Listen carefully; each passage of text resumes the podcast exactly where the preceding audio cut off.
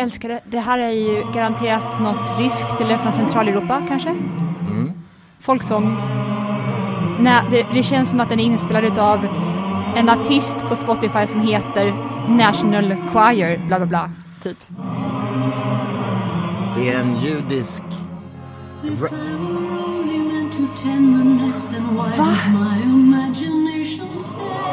Oj, vad fint! Lyssna.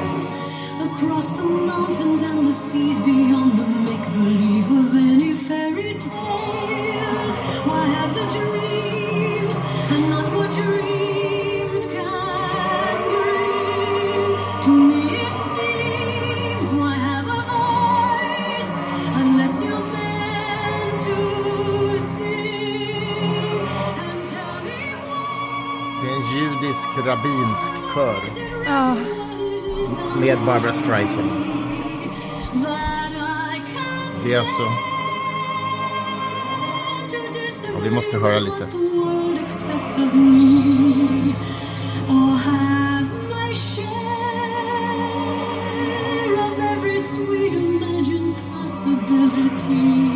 Och så snart, nu ska du höra, för nu händer det något annat snart. tänk alltså att det är inget komp förutom kören. Nästan. Where is it written?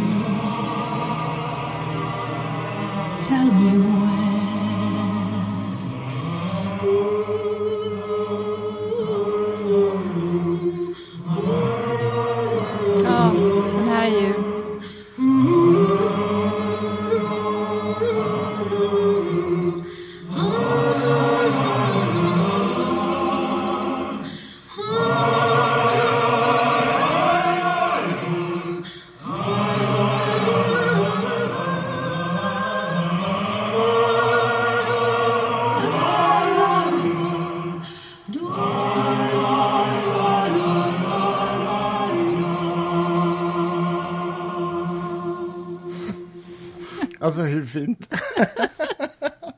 alltså, oj, oj, oj, oj. Alltså jag tycker det där är helt otroligt fint. Men det är ju allt som händer samtidigt. Jag vet! Och det var därför jag ville inleda med den Det musiken var faktiskt. helt rätt att inleda med den. Eh, med tanke på allt som händer, den växande antisemitismen och allt fruktansvärt som Israel har utsatts för.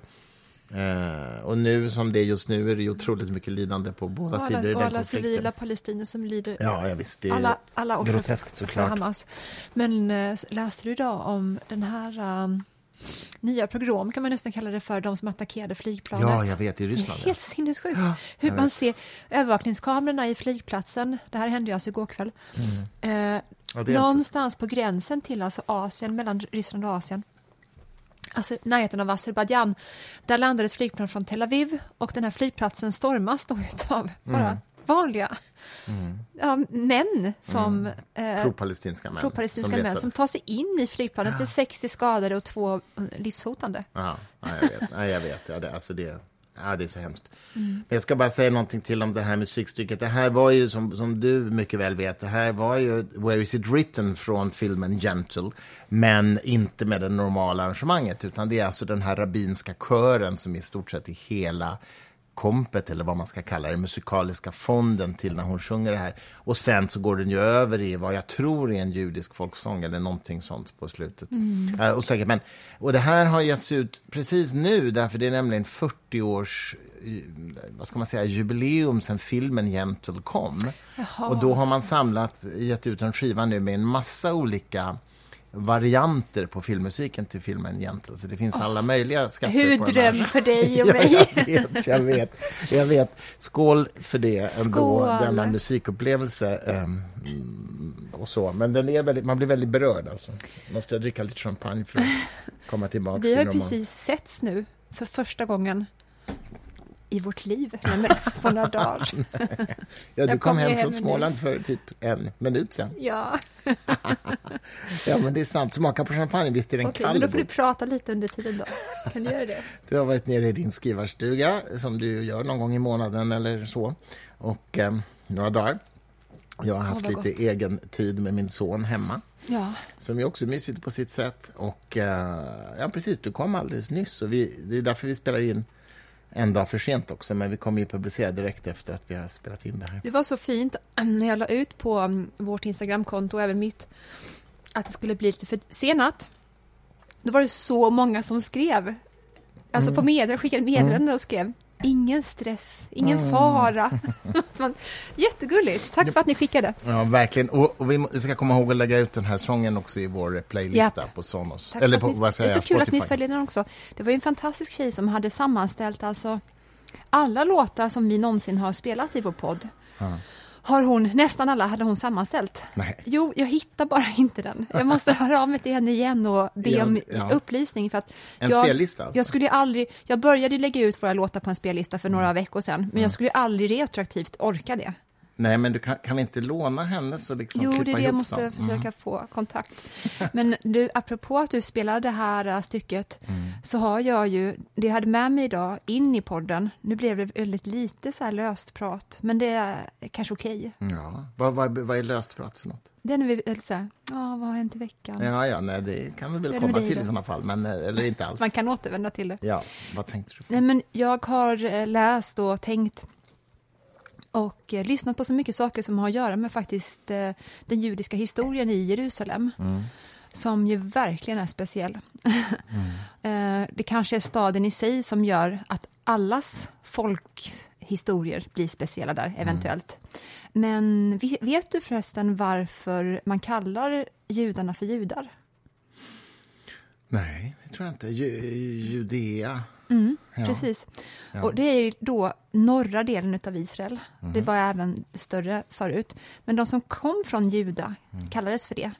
Och då var det inte att de hade en sammanhållen religion. Det var alltså Mm. inte religionen som utmärkte om du var en jude eller inte, utan det var att du kom från det här distriktet. Ja, Okej, ungefär som man var eh, västlänning eller smålänning. Eller...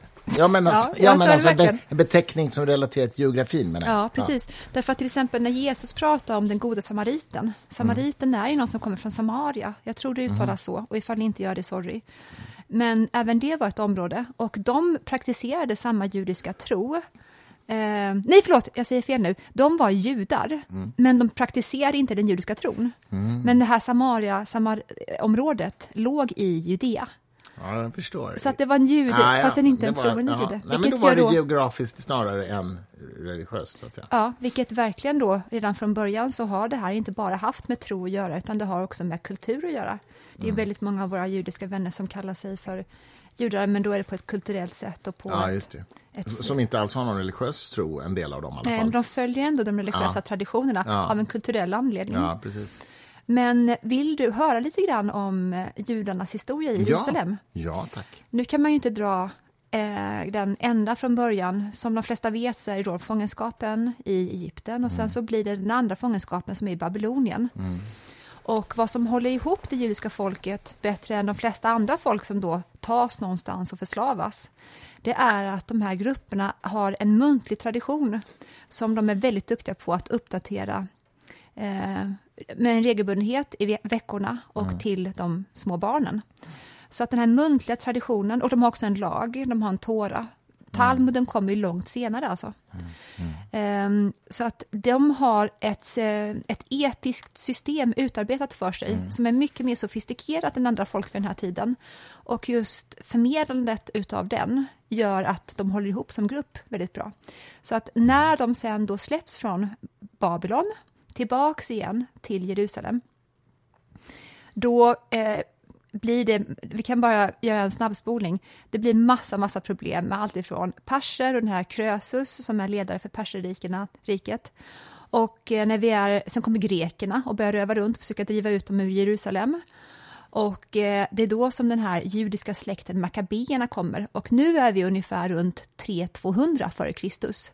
Så att när grekerna försöker... Alltså 300-200 år före. före Kristus. Och när grekerna då försöker ta staden ifrån den judiska befolkningen, då är det alltså makabeerna som är den här judiska familje, den familjegrupp som har funnits i väldigt många hundra år och de är också så himla stridslystna och de är helt orädda och de lyckas på ett sätt slå tillbaks mot grekerna än vad väldigt få andra har klarat av faktiskt. Och det här är ju samtida, bara, bara skjuta in det, med att Sokrates och Platon och Aristoteles håller låda i Aten. Ja, det är exakt samtidigt. Det är samtidigt. Precis, Ja, precis.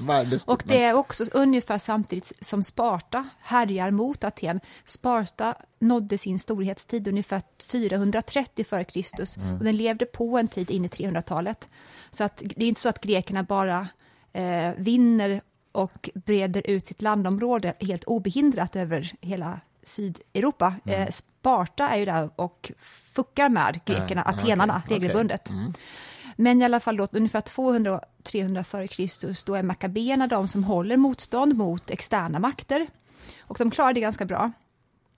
Men sen, om vi spolar fram till ungefär 65 efter Kristus istället, då har alltså Okej. judarna bott i Jerusalem under lång tid. Och Jesus har dött 30 Jesus har dött, det har funnits då romerska ståthållare som de har placerat där eh, för att hålla ett öga på judarna. Eh, det har varit ganska lugnt, även ifall det alltid varit jidder om det här jävla skatten.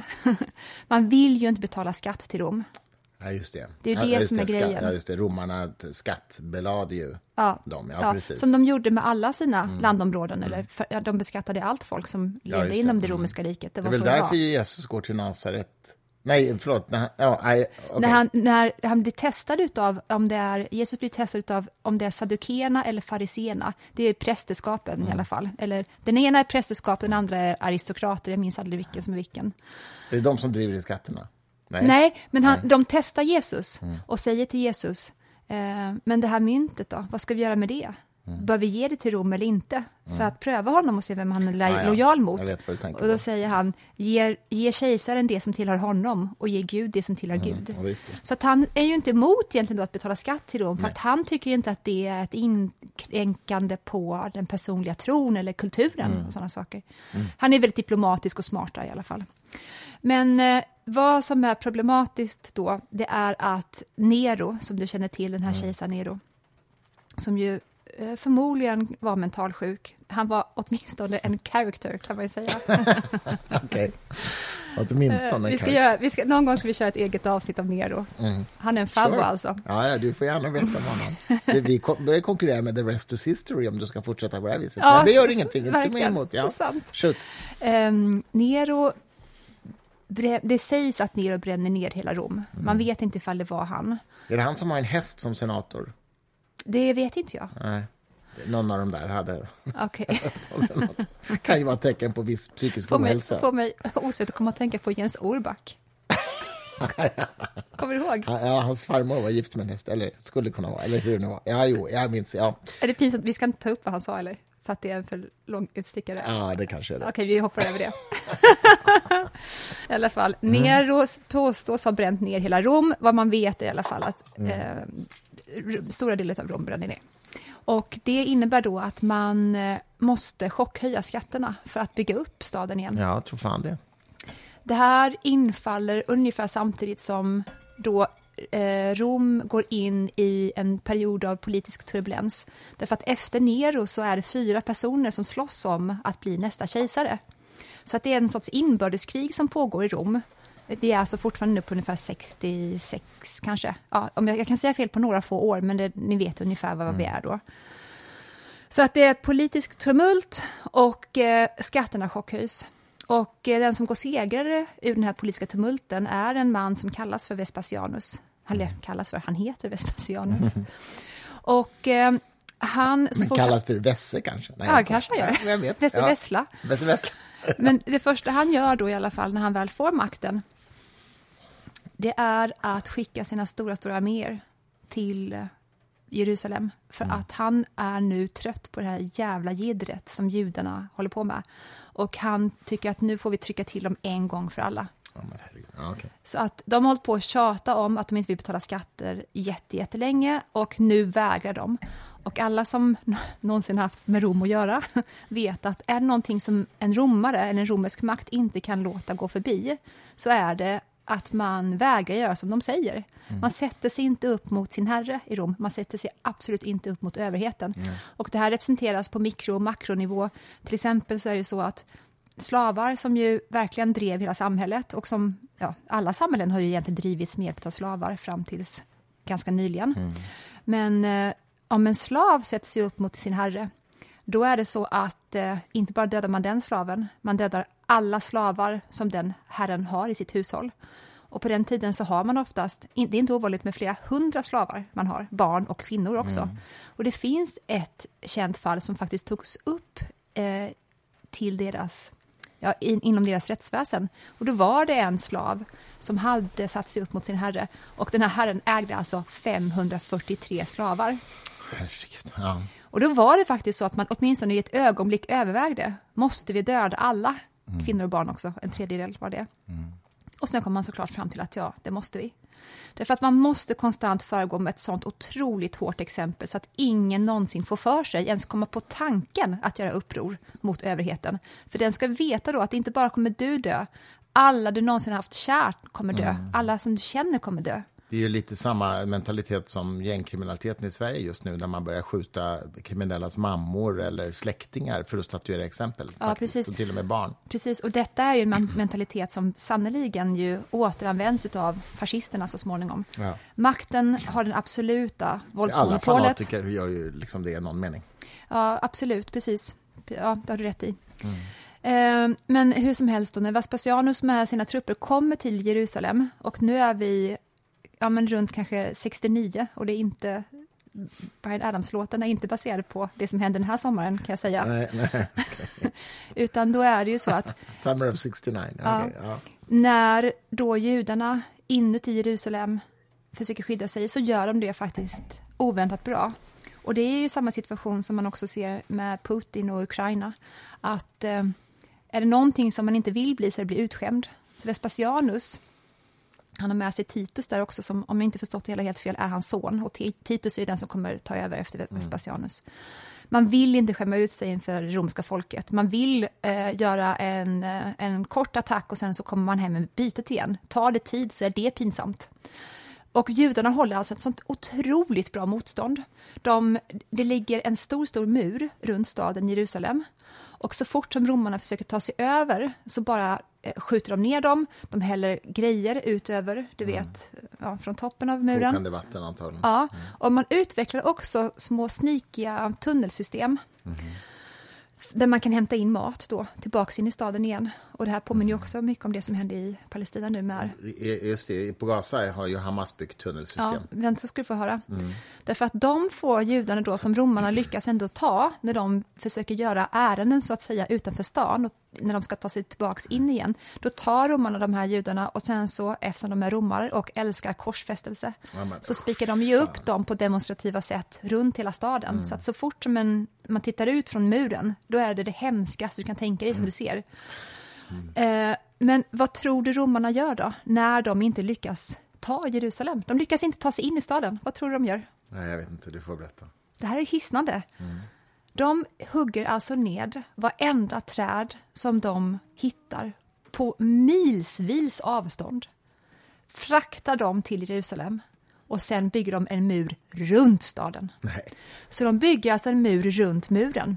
Så det är ungefär som att de säger, okej, ni har en mur som skyddar er, okej, då bygger vi in er, lycka till att ta er ut nu. Nej, fy fan vad läskigt. Så att alla de här gångerna som Det de har finns ju använt... likheter med vad som händer Exakt. på Gaza just nu. Ja, visst. Så alla de här äh, tidigare små hålen som de använde sig av i tunnelgångarna för att lyckas ta in mat och vatten och så, det är kört nu. De kan inte ta sig ut. Så att då blir det den här fruktans, de här fruktansvärda scenerna som eh, Josefus är ju historieskrivaren på den tiden som vittnar om allt det här som händer. Han var ju den som faktiskt började jobba som historieskrivare för Vespasianus. Josefus var tidigare selott som då ti- tillhörde de här krigiska judiska ätterna. Men- Är det han som också skriver om Jesus, en av de få säga, icke- icke-evangeliska texterna om Jesus? Ja, precis. Så att säga, det är ju ett av de... För det har, som jag har lärt mig i alla fall är ju att det finns relativt svaga belägg jämfört med Mohammed till exempel för att Jesus har existerat som historisk person, men ändå tillräckligt starka för att de flesta historiker tror det. Och Josefus är nog en av de viktiga källorna som så att säga är evidens för det, eller hur? Så är det.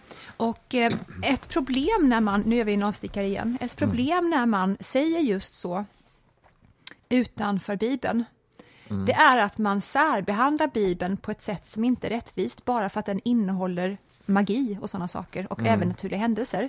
Då kan jag säga att lycka till att hitta ett historiskt dokument som är skrivet före 500 som inte innehåller övernaturligheter. Ja, jo, jo. Alltså eh, Caesar till exempel, hur han beskrivs, det är bara övernaturligt konstant, alltså han delar vatten och grejer, Caesar. Mm. Men de här sakerna förstår man som historiker att det är sånt man lägger till för att den tillhör, det tillhör den kulturella mytbildningen som man måste kontextualisera en historisk person runt. Och eh, det är exakt det man har gjort också med evangelierna, enligt dig och mig, som inte tror att Ja, den ja. kommer från Gud. Men- Så att de är legitima, eh, inom citationstecken, vittnesmål, tycker jag, som borde verkligen vara mer giltiga än vad de, vad de behandlas om. Jag förstår vad du menar, men kan det inte möjligen, nu testar jag bara en hypotes, för jag kan verkligen inte det här, men kan det inte vara så att det inte bara handlar om att de har övernaturliga inslag, utan att, att man tänker sig att evangelierna är skrivna av människor som ändå hade en agenda att presentera alla. Jesus. Jo, men kanske Josefus kanske inte hade en agenda, om han bara Oh, var jo. historiskrivare. Oh, okej. Ja, okej. Han hade otro... Och vi Okej. borde göra ett helt avsnitt om honom också. Eftersom han var The rest tidigare... is history så länge är i vägen. Eftersom han, Josefus då, tidigare var jude och selott och lyckades då eh, undkomma eh, en tidigare massaker i Jerusalem. Han satt ju i fängelse i Rom ganska länge, Josefus. Och sen så började han då liksom skriva saker och säga att Vespasianus är den nästa stora. Ja, men han säger att det är han som är profeten som ska komma och att det är han som ska styra världen. Så att han gör profetior och till Josefus stora lycka så blir det faktiskt Vespasianus som blir kejsare i det här inbördeskriget. Varpå då Vespasianus kommer ihåg den här juden som vi tog till fånga. Vi tar ut honom igen.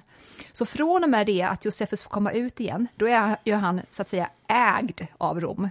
Så att så allting som han skriver vet han att han har blickar på sig och kan väl också framställa sig själv som någon som inte är judisk, för han vet att det blev problem för mig senast. Så han försöker radera hela sin förra judiska identitet i princip. Han lyfter aldrig fram att han själv är jude.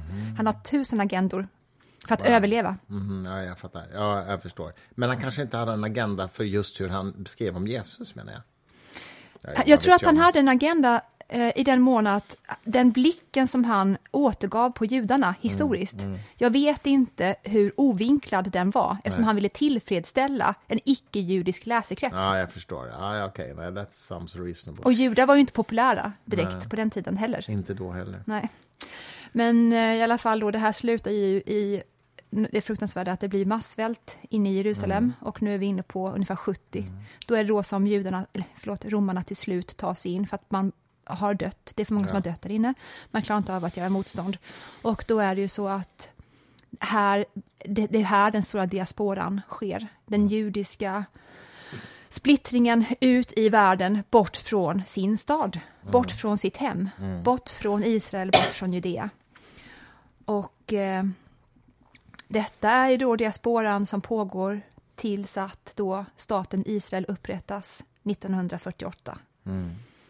Och Och nu händer ju saker som påminner om det där eh, belägring i den meningen att i den meningen att Hamas vägrar låta eh, de civila lämna norra Gaza. det är exakt Det samma. rapporteras ju om det nu idag Precis. senast. Eh, för att man vill ha dem kvar som mänskliga sköldar. Och, och samtidigt som ju då Israel har stängt av liksom el och vatten och allt sånt där. Så det, är ju, det har ju väldigt många likheter. Ja. Och det är ju bland vanliga människor bara förlorare liksom, på alla sidor. Så är det ju i det här. Man hade ju önskat att det var någon annan än Netanyahu som ledde. Att Mm. det inte var någon som flörtat med extremistiska krafter Mm. och som eh, ju var åtalad för korruption men lyckades snika sig ur det genom att kohandla med de ultraortodoxa i princip och ge dem politiskt inflytande. Mm. Ja, jag vet. Jag vet. Visste ja. du att Hamas, det här berättade pappa för mig, att han, eller var det du som berättade det för mig? Att hans bror dog i Ja. terroristattack. Ja, det, det var jag som berättade faktiskt. Ja. Hans bror, jag vet inte om det var äldre eller yngre, men, och det är väl många år sedan skulle jag tro, men han dog i en terroristattack. Ja, precis. Mm. Så det är klart att han har säkert en väldigt personlig liksom, affekt Ja. som driver honom, tror jag. ja. Ja, nej, vi får följa det där. Det är mörka tider verkligen just nu. Ehm, Men du, vi måste passa på ehm, vi måste passa på att prata lite grann om vad som händer nu också. För att imorgon, här publicerar vi ju om en timme så att säga. Och då kan vi väl säga det att imorgon på Club Apollo på Fasching, för de av er som bor i Stockholm, ska ju du diskutera modernitet med Erik Skylt. Modernismen. Modernismen, menar jag. Mot traditionalismen. Ja. Och eh, eh, det är alltså Club Apollo som är ju en slags, man går dit och tar en öl eller äter en bit mat och eh, man kan köpa biljetter på fritanke.se för detta. Eh, och det är med, blandat med jazzmusik helt enkelt. Men du ska sitta i panelen där. Jag som oftast är moderator för de där eventsen, jag kommer bara stå i publiken och, och njuta av att ta en öl och inte ha något ansvar alls. Vår goda vän Isabella Lundgren är ju moderator Ja, och du ska diskutera. Ja, men berätta. Vad är det, debattera vad, kanske. Debattera eller diskutera? Ja, det, det får vi väl se. Det, det, ja, jag har ingen aning, det vet du bättre än jag. Men berätta, vad, hand, vad handlar det om? Man brukar ju säga att modernismen alltså infaller 1922. jag har verkligen försökt hitta varför just den, det, det årtalet är brytpunkten för någonting. Men eh, jag hittar bara kontexten och det är ju att efter första världskriget så är det ju så att man fortsätter att strida överallt i Europa. Det är inte så att det tar slut på ett klockslag direkt. Konflikter fortsätter att pyra där folk dör. Och eh, det har ju då också, kan man säga, första världskriget alltså, gjort slut på den viktorianska tiden. Och eh, den här extremt borgerliga, hårt hållna lilla människan såväl som borgaren i världen, i alla fall i västvärlden, har ju varit eh, extremt styrd av normer och vad som är sanning och kyrkan har ju såklart hjälpt till med det också. Men eh, från och med 22, då började det komma konstuttryck, inte minst, som visar på att eh, men som börjar ställa alla de här sakerna till sin spets eller på sin ända. Så att eh, samtidigt då som man tappar tilltro till de stora systemen i världen så börjar nya konstyttringar komma. Och man börjar också fråga sig, men vad är sanning egentligen då, ifall vi inte kan använda oss av bibeltexterna eller religionen? Eh, det börjar man för första gången ordentligt relativisera. Och eh, det här leder ju då till ja, men det som vi idag känner till som är det moderna samhället. Eh, det, här, det här samhället som vi befinner oss i idag hade ju inte sett ut som det gör om det inte, och det här tror jag man ofta missar i de här samtalen som jag vill prata om med Erik imorgon. Vad som är den stora, stora skillnaden, tycker jag faktiskt, eh, eller den största skillnaden har hänt tack vare någonting, och det är ju verkligen oljan. Hur man började på en global nivå kapitalisera på olja. Det ändrade om det ekonomiska systemet helt, och det förde fram en ommöblering klasser emellan. Det vill jag prata om imorgon, jag ska inte ge dundra iväg allt nu. Eh, Men sen så också, kommer du ihåg att du och jag oftast har pratat, eller oftast, ibland har pratat om det här med att religionen och Gud är död på 1800-talet, att det skulle ha lett till då, Nietzsches menar du uttalande, att Ja. Gud är död? Ja. att det då skulle ha lett till eh, att de destruktiva ideologierna föds på 1900-talet och att det är det som ungefär skulle leda fram till andra världskriget. Ja, jag har tror ju inte det, Nej, det nej. tror inte jag heller. Nej. Men du har ju fått den grejen skjuten mot dig Ja, absolut. flera ja. gånger, Mm, eller hur? mm, mm. Alltså när jag har suttit på tåget idag och lyssnat och läst, då vet, vet vad man borde svara de människorna jämt som Nej. säger så? Nej. Vet ni vad jag tror har lett mest fram till de destruktiva ideologierna med att Gud skulle vara död? Mm. Inflation och massarbetslöshet. Ja, Kanske är det point. mer logiskt. Mm, good vad point. tror ni om det? ja, ja, ja. alltså det är så var ju självklart. Ja, det, Vet, så fort som Mussolini blev tog makten i Italien 22, då började Tyskland, som då befann sig i en supermassinflation och arbetslöshet, skrika efter var är, var är vår Mus- Mussolini? Mm. Så sa man, var är vår? Sen kom han. Vi ska ju ge ut en biografi om Mussolini faktiskt nu snart. Som kommer heta Mysteriet Mussolini, Mussolini för att han var ju en otroligt komplex person. Alltså. Han var ju inte liksom en, en kopia på Hitler, så att säga, utan han var ju bildad och intellektuell, men naturligtvis eh, psykopat säkert i någon mening, väldigt våldsbejakande och Sadist. Och sadist. Men han var ju liksom en komplex person. Jag menar, Hitler var ju bara, han var ju en eh, förutom att han var psykopat, eh, Hitler alltså, så var han ju liksom inte särskilt bildad. Eller han var i alla fall... Men han var verkligen inte det. Nej, det, eh, han hade ju liksom inga såna Han ville ju inte lyssna på andra bildade kvaliteter. människor heller, Medans, Hitler. Nej, men precis, medan Mussolini tycks ha haft verkligen den typen av... Han var ju journalist länge, Ja, Mussolini. precis. Jag kommer ihåg, jag, må- jag måste berätta, jag, jag, det här berättade Carl Bildt för mig för många år sedan. Vi reste ju mycket tillsammans i början på var det mycket så här mysiga semestrar? 20 Weekends? Nej, det var, var det det inte var på? semestrar. Vi reste som IT-ambassadörer. Badorter? Var det det ni... Nej, men den dåvarande handelsministern Leif Pagrotsky fick för sig att göra eh, det året till ett IT-år för Sverige. Vi- var IT-ambassadörer för Sverige och åkte runt och höll föreläsningar i, i världen på olika konferenser och grejer. Och det innebar att vi tillbringade mycket tid tillsammans på flygplan och eh, ja, i alla fall, eh, då berättade Carl Bildt för mig när han var sån fredsförhandlare efter Balkankriget på 90-talet. Daytona-förhandlingen eller vad det hette, jag minns inte exakt. Eller ja, strunt samma.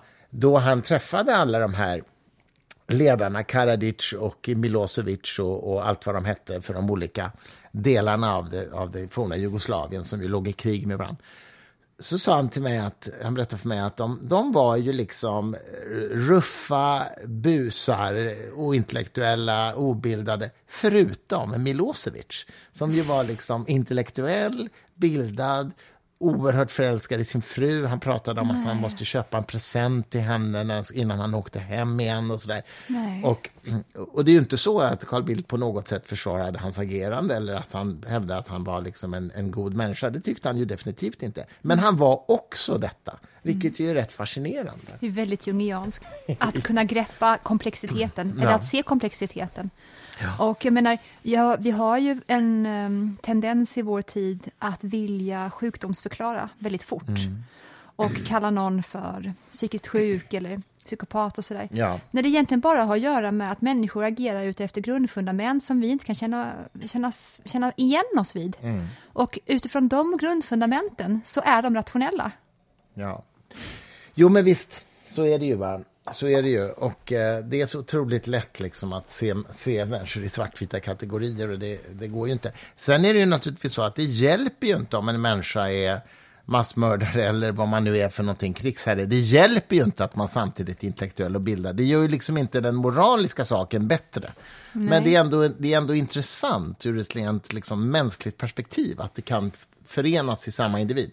Ja, verkligen. Men de som håller på och eh, skriker i kulturkriget i USA om att eh, man ska ta bort vissa böcker eller man ska sluta glorifiera vissa historier därför att eh, en person som kanske gjorde något jättehemskt blir sen i en bok eller en film kan ju sen ändå bli då inbjuden i värmen igen och sådär. Och det gillar ju inte Ja, den. nej, nej. Mm.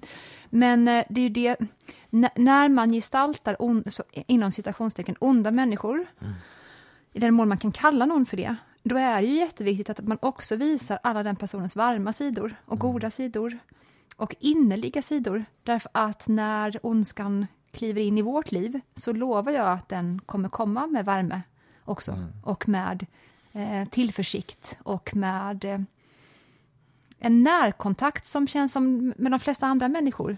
Så här vi måste lära oss känna igen ondskan och ifall vi bara, bara gör den så svart så demoniserar vi den och då blir det så mycket enklare att vi missar den. Det här är, det står ju redan i Uppenbarelseboken att Antikrist kommer återvända förklädd som en fredsängel till jorden. Och eh, det är ju därför de här apokalyptiska ex, kristna fundamentalisterna i USA som tror på eh, the end days, alltså the end times och att eh, the, the rapture, du vet, upprycket. Jesus hämtar hem de rättrogna från jorden eh, innan själva slutstriden ska ske och sådär.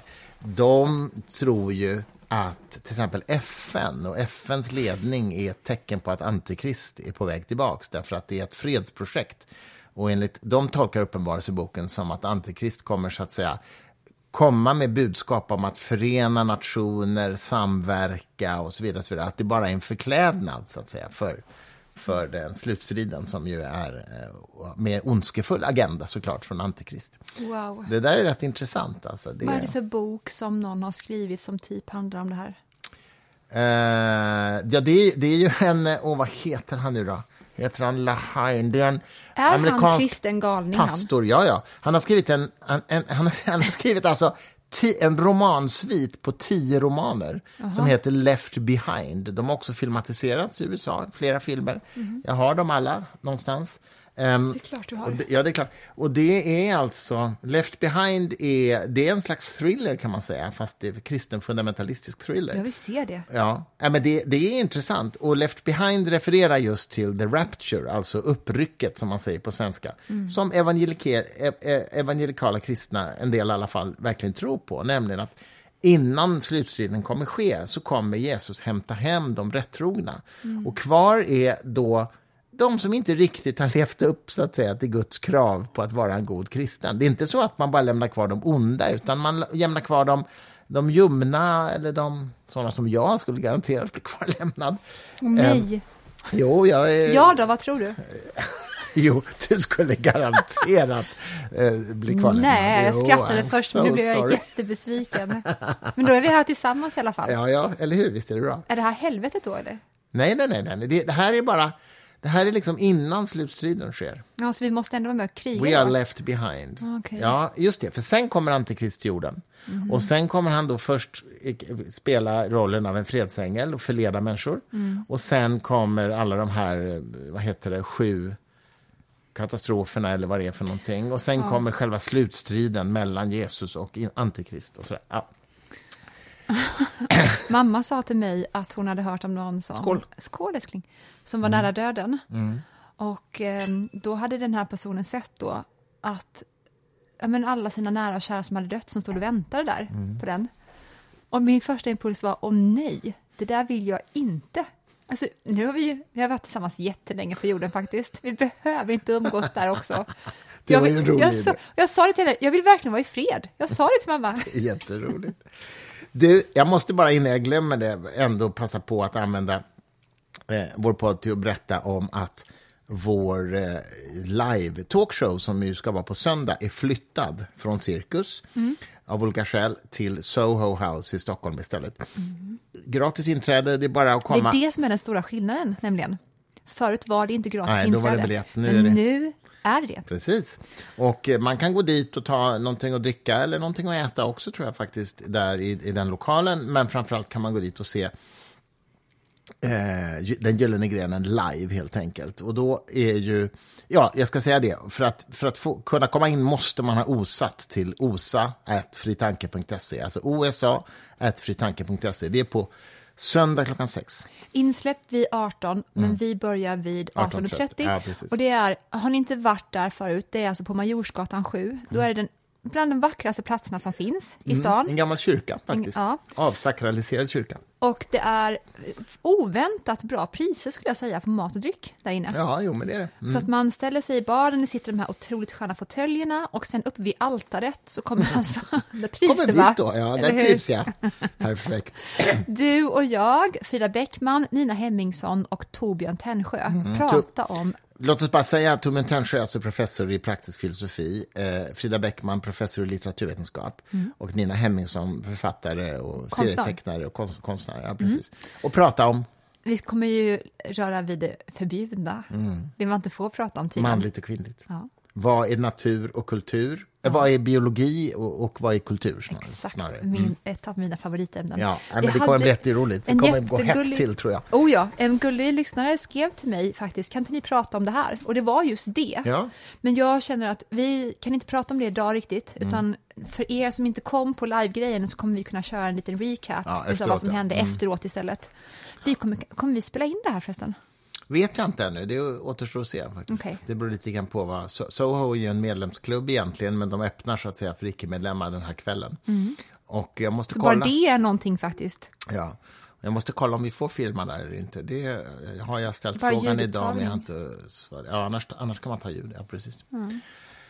Men du, nej men så är det. Sen måste jag bara få säga också innan vi... Ett par grejer till tycker jag. Det gör ju ingenting om vi håller på en stund. Nej. idag. Nej. Nej, men jag har gjort en podd i veckan när du var borta som faktiskt var en av de mest spännande poddar jag har gjort på länge eh, i min andra poddserie, Fri Tanke-podden. Med en vetenskapsfilosof som eh, heter Richard David från Österrike. Eh, han är forskare på fysikens filosofi. Och det var faktiskt otroligt spännande. Vi pratade givetvis om kvantfysik och sånt där som ju du och jag har nördat på så himla mycket, men inte bara. Utan eh, en av de områden som han forskar på, det är det, är det här. Vad, eh, vad kan man ha för argument för en vetenskaplig teori om teorin inte går att pröva experimentellt överhuvudtaget? Jag säger igen, vad kan man ha för vad? Evidens eller argument för en vetenskaplig teori. Precis, Vad- eller, be, eller belägg. belägg, belägg. Vad kan man ha för belägg för en vetenskaplig teori om det inte finns någon empiri alls? Mm, det är kul. Och, eh, och, och då kanske den vakna lyssnaren omedelbart tänker, ja men vad, vad skulle det vara för vetenskaplig teori? Ja, till exempel strängteorin då, som är en kosmologi, kosmologiskt försök att förena relativitetsteorin med gravitationen. Eller relativitetsteorin med kvantfysiken kan man säga. Mm, gravitationen. Ja, alla fall. Och det är en mycket, numera mycket väl utarbetad matematisk modell kan man säga för naturlagarnas funktion och sådär. Men det finns, ingen sätt, finns liksom inget sätt att testa det, utan det är bara en tankefigur om man ska vara, uttala sig lite hädiskt.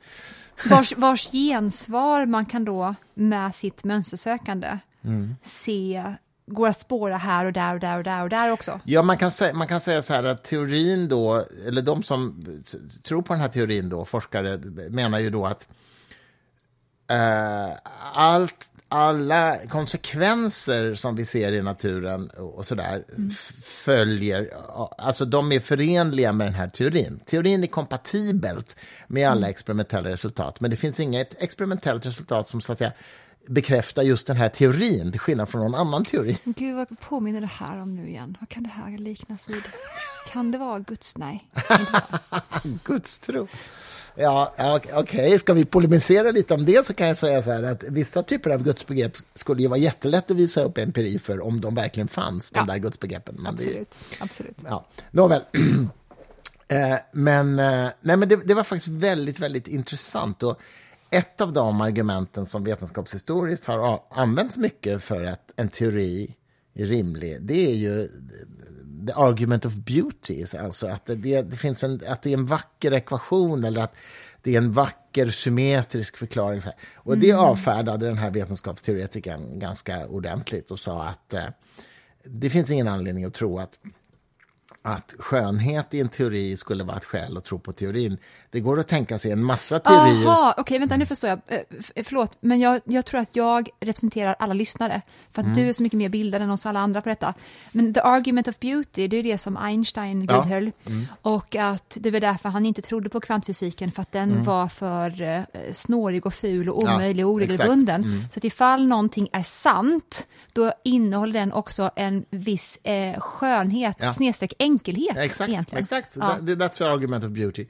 Och den här forskaren som jag då intervjuade avfärdade det argumentet och sa att eh, det går att tänka sig en massa teorier som är jättevackra men som är bara nonsens. Liksom. Så att, Åt, det, åt det hållet, ja. ja, just det, ja, just det. Det var precis vad jag frågade också. Ja, men implikationen kanske går åt andra hållet, Mm. Ja. men inte åt det hållet. Och då sa han att nej, men standardmodellen till exempel inom teoretisk fysik, ni får googla på det, vad det är för någonting, för det tar för lång tid att förklara. Men den är inte särskilt vacker. Den innehåller ett antal asymmetrier som är jättefula. Ah, liksom, och som inte, okej. den skaver och skevar lite här och där. Och, så att, och ändå är det den som idag är helt accepterad för fysikens det är partikeluppsättning. Det kallas för standardmodellen. Eh, och där ju Higgs, Higgsbosonen var en av de sista pusselbitarna som ju belönades med Nobelpriset. I alla fall. Ehm, så, ja, han avfärdade i alla fall det. Och, och, men han har då massa andra jätteintressanta resonemang om vad, vad man kan ha för argument för en teori om den saknar empiri helt och hållet. Och det, det var väldigt spännande samtal. Och så pratade vi lite om kvantfysik och han, han var noga på att pe- påpeka att det som vi har pratat om många gånger, Köpenhamnstolkningen, som ju liksom inte vill, inte vill göra någon ontologisk tolkning av, den säger ingenting om Man verkligheten. inte, man vill inte utforska någonting filosofiskt Nej. om verklighetens konstitution med hjälp av de Nej. uträkningarna som kvantfysiken har gett, utan man ska bara räkna Ja, man ska göra. men, Ja. men han säger så här, det, det, man, det där ska inte blandas ihop med shut up and calculate, som säger han. För det är två olika saker. Det har vi gjort. Ja, jag vet. Jag vet. Och eh, han menar på att det, han menar, alltså, det, finns, det finns en släktskap, men det är inte samma sak, säger han. Och han säger att Shut Up and Calculate var framförallt en, ett, ett, ett amerikanskt um, förhållningssätt. När, efter, när, eh, alltså när, eh, när de här tänkarna bland annat flydde till, till USA i samband med antisemitismen och nazismens framväxt och, sådär, och började jobba för den amerikanska. Och, och, och fysiken blev liksom ett verktyg i, i ja, krigs, förberedelse för krig, helt enkelt. Så, så var det så här liksom att håll inte på och fundera Vi på har, vi har inte utrymme för det heller. Nej. I det här Vi- nej, vi har inte tid att hålla på med några jävla filosofiska funderingar kring fysikens natur. Shut up and calculate, bygg liksom atombomben, typ sådär va? Alltså wow. Ja. Men det dröjde sig ju kvar får man säga. Ja, Efteråt. absolut. det var ju det det gjorde. Ni- Nils Bohm vittnade ju om det. Nej, du menar David Bohm eller Nils Ah. Bohr? det, det jag, är är så, jag är så glad att jag äntligen har fått rätt på Bohr eller Bohm. Men nu sa jag ändå fel på förnamnet. Ja. Men David. David Bohm. David Bohm. Ja, han som höll också samtal med Krishnamurti. Ja, just som finns på Youtube. Ni kan alltså lyssna på de här två när de pratar. Nu har de ju... Bohm snöade in på det här med unified field theory. Att det finns ett underliggande fält. Och det vet man ju då att det inte var så. Eller? Ja, kanske. Ja, det, vet, det, ska inte, det vet inte jag om man vet, ärligt talat. Det kanske är en teori som fortfarande finns bland många andra. Jag vet inte. Jag, det vet vet, inte jag vet att han under sin livstid i alla fall blev... Det, den idén diskvalificerades Mm. i alla fall.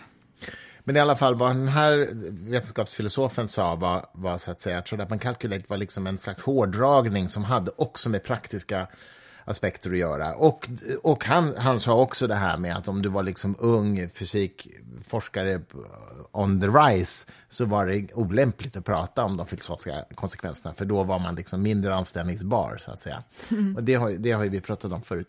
Eh, men det är klart att det i någon mening hämtade sin näring ur Köpenhamnstolkningen eftersom den var liksom lite antimetafysisk i någon mening i Köpenhamnstolkningen och tyckte att vi kan inte, vi kan inte säga något, det var, ju, det var inspirerat av Immanuel Kant, att vi kan inte säga någonting om tinget i sig utan vi kan bara tala om hur vi uppfattar det via våra experiment. Och så, så, så det är klart att Köpenhamnstolkningen liksom hjälpte ju till för Shut Up and Calculate, men han sa ändå att det inte är samma sak. Liksom. Och nu för första gången när du berättar det här, då Mm. tänker jag också annorlunda på Shut Up and Calculate, för att det är väl klart att de som då är på toppen utav eh, mat matematisk fysik Mm. och kan räkna så här avancerat, jag vill inte heller att de ska börja fundera.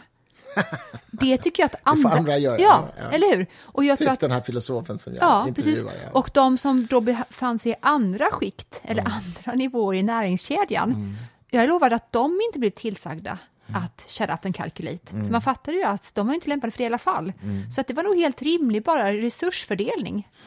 Nej, men visst. Det, det, ja, visst, så kan man se det. Men det, det är ändå intressant, tycker jag, att, att man må, alltså rent vetenskapsfilosofiskt måste fundera över vad, hur en teori kan liksom bli legitim även om den saknar all empiri. Och det här det kopplar ju an till den här nutida, eh, vad ska vi säga, kulturkriget inom medvetandeforskningen där ju flera hundra medvetandeforskare har gått samman och sagt att den här in, Integrated Information Theory som är en trendig, eh, ja, vi pratade om den i förra podden, en trendig teori inom medvetandefilosofin, att det är en pseudovetenskap därför att den saknar empiri. Och eh, jag vet inte vad min eh, medvetande, eller förlåt, fysikfilosof skulle säga om det, det kom vi aldrig in på, men eh, eh, kanske finns andra argument för den, ja det vet inte jag. Men det är ändå intressant, det är en intressant filosofisk diskussion tycker Alltså jag. det, härligaste, bland de härligaste samtalsämnena som vi har, har ju med ämnesval att göra där man totalt, det går inte, det går inte att ordna eh, empiri. Det går inte att fixa fram det, det går inte att ordna in det i någonting. Nej, nej, det, nej för då, då är man ju friare onekligen. Ja det, ja, det är också härligt att vara. Men, men, men de intressena som, jag menar myter till exempel, som jag är så intresserad av, de har ju, de, jag med så många andra såklart, gör ju metafysiska, metafysiska grundantaganden med hjälp av myterna. Men eventuellt också så rangordnar vi myterna in en metafysisk verklighetsrealm. Ja, det där är superintressant. Det ska vi faktiskt... Mm. Det går ju inte att empiribelägga överhuvudtaget. Det går nej, ju inte. Nej, nej, det är klart. Det är omöjligt. bortom det. Apropå det så längtar ju både du och jag efter den nya storfilmen med Anthony Hopkins där han spelar Sigmund Freud i hans samtal med C.S. Lewis. Ja. Du är Freud, jag är C.S. Lewis. Ja, verkligen. Och jag har faktiskt sett en teaterpjäs för några år sedan på Stadsteatern som bygger på just de Ja, samtalen. var den bra? Eh, nej. Var, nej. nej, den var för banal faktiskt. Det var det. för banalt. Åh. Men hela Kommer den här vara det också, tror du? Ja, det är en bra fråga alltså. Det är han med de stora engelska ögonen som spelar C.S. Lewis. Han som bara stirrar just utan att det. blinka hela tiden. inte vad han heter. Men Alla, alla vi tjejer känner igen honom från Matchpoint i alla fall. Jaha, okej. Mm. Nej, men hela grunden för det där är ju en dialog mellan den, den kristna författaren C.S. Lewis och den eh, ateistiska eh, då, Och det eh, händer ju aldrig tyvärr. psykologen. det är bara kan- påhittat. är, är det så? Det Ja, visste jag inte. Det var Ah, så. okej. Freud hann ju bara bo i London i ungefär ett till ett och ett halvt år. Mm. Han hängde tyvärr inte med C.S. Lewis. Nej, okej, men det är en bra, det är en bra story. Och, och, Ja, jag och, köper det. Åtminstone teaterpjäsen som jag såg eh, byggde liksom på dialogen mellan ateisten och den kristna helt enkelt. Den, liksom den filosofiska dialogen kring det här. Ja, visst. Om man skulle vilja göra en intre- intressant subfilm till detta, Mm. då kan man göra en film om C.S. Lewis och Tolkien, eftersom de var väldigt oense. Trots att de var båda kristna, så Ja. var ju Tolkien då som katolik Ja, och. C.S. Lewis då som hängiven Church of England-medlem. Ja. De hade så helt vitt skilda syner på vad myt var, på vad Jesus var. Alltså, det var som att de befann sig i helt olika religioner. Men båda var kristna. Intressant. Det vore kul. Ja, verkligen. Ja, men vi måste se den här. Anthony Hopkins är en fantastisk skådis. Det Ja, kan men man ju... Tänk ifall han inte är så bra längre. Jag blir så generad. Ja, alltså, ja, visst, jag, har lite, jag, jag är lite rädd för att jag såg trailern som Ja, jag du skickade till skickade dig. till mig. Ja. Och jag såg vid ett tillfälle att han skrattade sådär som man brukar skratta, Anthony. Mhm, Och då är det som att han vet om att han är gammal och jätte, jätte charmig. Och nu skrattar jag så här som det brukar gå hem när jag spelar roller, då jag är gammal och jätte, jätte charmig. Förstår du? Ja, ja, ja, jag fattar. Jag fattar. Jag fattar. Ja, Men ja. de har inte vågat sätta på honom en så kallad, och det här säger inte jag från... Det här kallas för det då, i en ljudnäsa. Nej, just det. För det var ju så många debatter nu, apropå filmen som kommer om Leonard Bernstein, Ja. att han hade fått en judenäsa. En stor- en stor och det är, näsa, helt ja, precis, och det är judiska communities i USA som kallar det här för det. Ja, därför att det har använts i karikatyrer på judar. Av, av Ja. Antisemitiska karikaty karikatyrer genom historien har ju porträtterat judar med en jättestor näsa. Ja. Så att när då någon som inte är jude ska spela jude så Mm. har man satt på dem en liten näsa. En liten näsa, det var kul. För man tvärtom då sätter på dem en pytteliten näsa. För att kompensera. Liten, liksom. En liten näsa till. Ja, herregud. Ja, ja. det Nej, var ju men, det som hon, vi såg ju Golda, kommer du Gold, ihåg? Golda Meir, ja. Eh, Helen Mirren spelar ju Golda och Mm. då berättade du för mig att du hade läst en intervju med Helen Mirren. Jo, för det hade blivit protester mot att en icke-judisk person, det vill säga Helen Mirren, spelar en judinna. Mm. Och Helen Mirren hade då svarat i intervjuer att menar ni då att vi ska eh, förvägra judar att spela roller som- porträtterar icke-judiska personer? Det verkar en smula antisemitiskt, ungefär, hade hon sagt. Ja. Eh, ja, nej, men det är ju det är ett exempel på när identitetspolitiken går alldeles för långt. Spela aldrig det spelet. Nej. Vi ska Det aldrig är rå- spela. För rådet det är, från den gyllene grenen. Det är rådet, det är fascisternas spel. Det ska Mm. vi inte spela. Eh, vad fint att vi slöt ihop det igen också med det judiska. Ja, men jag, fast jag ska berätta en sak till. Ska du? Jag är inte klar än. Vad mysigt. Eh, och det är inte så mycket för dig, men det är för våra lyssnare, eh, Ja. därför att vi redan pratat om det. Men jag vill ändå... Jag har ju ägnat den här veckan, hade jag varit borta, åt att fördjupa mig lite i AI-utvecklingen. Mm. Och eh, eh, för det första så börjar jag allt med känna mig övertygad om att det så kallade Turing-testet, som ju Alan Turing definierade på 50-talet, egentligen redan är passerat. Och eh, de här nya eh, språkmodellerna, ChatGPT, eh, de kan redan idag förleda en vanlig människa att tro att de pratar med en människa, tror jag. Och då är det så att nu är de ju hårdkodade till att bara svara, nej, jag har inga känslor för jag är en AI och sådär. Men om man hade tagit bort den hårdkodningen, då, då tror jag att de skulle Vad kunna hade man förleda. gett dem istället då? Nej, men om man hade, om man hade så att säga, låtit dem simulera mänskligt beteende. Men då är, ju det, då är ju det en önskan från oss. På samma sätt som att vi önskar att fast, minska... som, fast det, som, det, som det är nu, utifrån vad, vad folk har sagt till mig som är inne i branschen, det är ju att OpenAI som har utvecklat ChatGPT 4 och redan ChatGPT 5 finns i deras labb, men den är inte släppt ännu, så har man just tweakat systemet till att så fort någon frågar om de har känslor och så vidare så ska de svara nej, jag är bara en AI, eh, eller jag har ingen smak eller känsla. Gillar du den här låten? Nej, jag kan inte svara på det för jag har, ingen, jag har inga uppfattningar. Och, så här, va? och jag menar att så som de nu är eh, i sin förmåga att kommunicera, om man hade tagit bort de så att säga, spärrarna, då tror jag att människor skulle kunna luras och tro att de pratar med en människa. Det, det, det, min- det är det du men- det är det jag menar. Jag och och Jag Turing, tror Turing-testet är ju då så att man ska prata med en människa och en AI samtidigt och om man inte kan avgöra vem av dem som är mänsklig, då har te- testet klarats, så att säga. Och min, mitt påstående är, som jag allt mer blir stärkt i, det är att det datumet passerades i år. Att Turing-testet har nu, AI har passerat Turing-testet. Och eh, jag, jag ska ge ett exempel, för jag tycker att det kan vara kul för våra lyssnare ändå att höra. Det är ju så här att eh, ChatGPT4 hallucinerar ju mycket fakta, så man kan inte lita på fakta rent generellt. Men, eh, men ganska ofta har den rätt, men inte alltid. Men framför allt så kan man prata om både jättetriviala saker och även gå in på otrolig detaljnivå och få väldigt adekvata svar. Eh, once again vill jag understryka det, man måste alltid dubbelkolla fakta, för att det inte säkert. Den kan också hitta på totalt. Men jag vill bara ge ett exempel för lyssnarna hur det faktiskt kan låta. Numera kan man ju prata med den också, med, alltså med röst. Det är så kul att det kallas för hallucination, hallucinationer. Ja, ja, ja, ja men precis. Och ehm, nu kör jag på engelska, för det är ändå det blir det är bäst språk där. Hi, ChatGPT. Uh, we're in the podcast that Victoria and I are doing right now, and I thought you should introduce yourself to our listeners. Please, could you do that?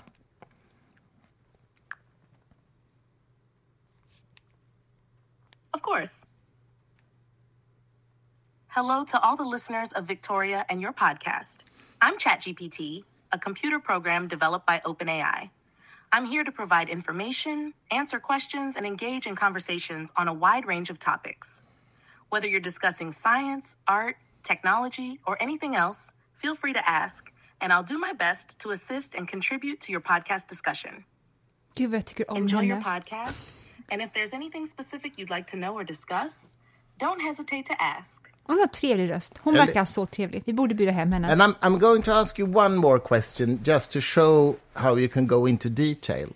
You know that I'm a David Bowie fan, and uh, there is a song written by David Bowie in 1971 called Quicksand. And there is a line in the lyrics that goes like this I'm closer to the golden dawn, immersed in Crowley's uniform of imagery. Could you explain what that, what that is all about?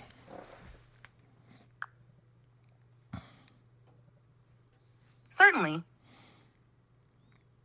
The lyrics you mentioned are from David Bowie's song Quicksand. These lines contain references to mysticism, spirituality, and the influence of Aleister Crowley. One, closer to the golden dawn. This line suggests a sense of spiritual awakening or enlightenment. The golden dawn often refers to the Hermetic Order of the Golden Dawn, The an Hermetic esoteric Order? and mystical organization that explored occult and metaphysical concepts. 1920-talet. Bowie may be expressing a desire for a deeper understanding of life's mysteries or a spiritual journey. Two, immersed in Crowley's Dooney form of imagery, Bowie mentions Aleister Crowley, a prominent occultist and magician. Crowley had a significant influence on various forms of mysticism and the occult during the early 20th century. Dooney form of imagery could be interpreted as a reference to the intricate and symbolic imagery found in Crowley's writings and teachings. Overall, these lyrics from Quicksand reflect Bowie's interest in spiritual and philosophical exploration. Thank you very much. Så det här kan det alltså låta. Och det här var alltså ChatGPT4 som eh, ja, pratade med oss helt enkelt. Och jag men, det, det är fortfarande så att man kan ju ana att det inte är en mänsklig röst, men ge det här två år till så kommer vi inte kunna skilja det här från en mänsklig röst, tror ja, jag. så är det. Verkligen. Jag hoppas ju lite grann också de konfliktytorna som jag är pepp på att ha. Konflikt behöver inte alltid vara negativt. Med Erik imorgon då på Fasching. Eh, Det har ju just att göra med vår, eh, hur ljust eller mörkt vi ser på framtiden. Och hur ljust och mörkt vi därmed ser på AI. Och där vet jag att vi skiljer oss väldigt mycket åt. Ja, men det hoppas jag att ni kommer att komma in på. Ska vi börja avrunda? Du och jag ska gå upp och laga lite middag, eller hur? Och vi kommer Ja. publicera det här. Du har just kommit hem, så du ska få landa lite. Vi ska tända en brasa. Ja. Vi ska äta lite räkor och lax. Gott, jag börjar gråta nu för jag och blir så dricka glad lite igen. gott vin Sluta. efter att vi har avslutat den här flaskan champagne. Okej, jag vill ändå avsluta med lite musik. Ja! Alltså, bara repetera och, den här fantastiska... Och, eh, eh, ifall vi inte ses imorgon eller på söndag, tack för att ni lyssnar. Vi har de bästa podcastlyssnarna i Sverige. Jag vågar faktiskt säga det. Ni är så intressanta och bildade och fina. Tack för att ni finns. Helt klart. Tack för den här gången. Hej då.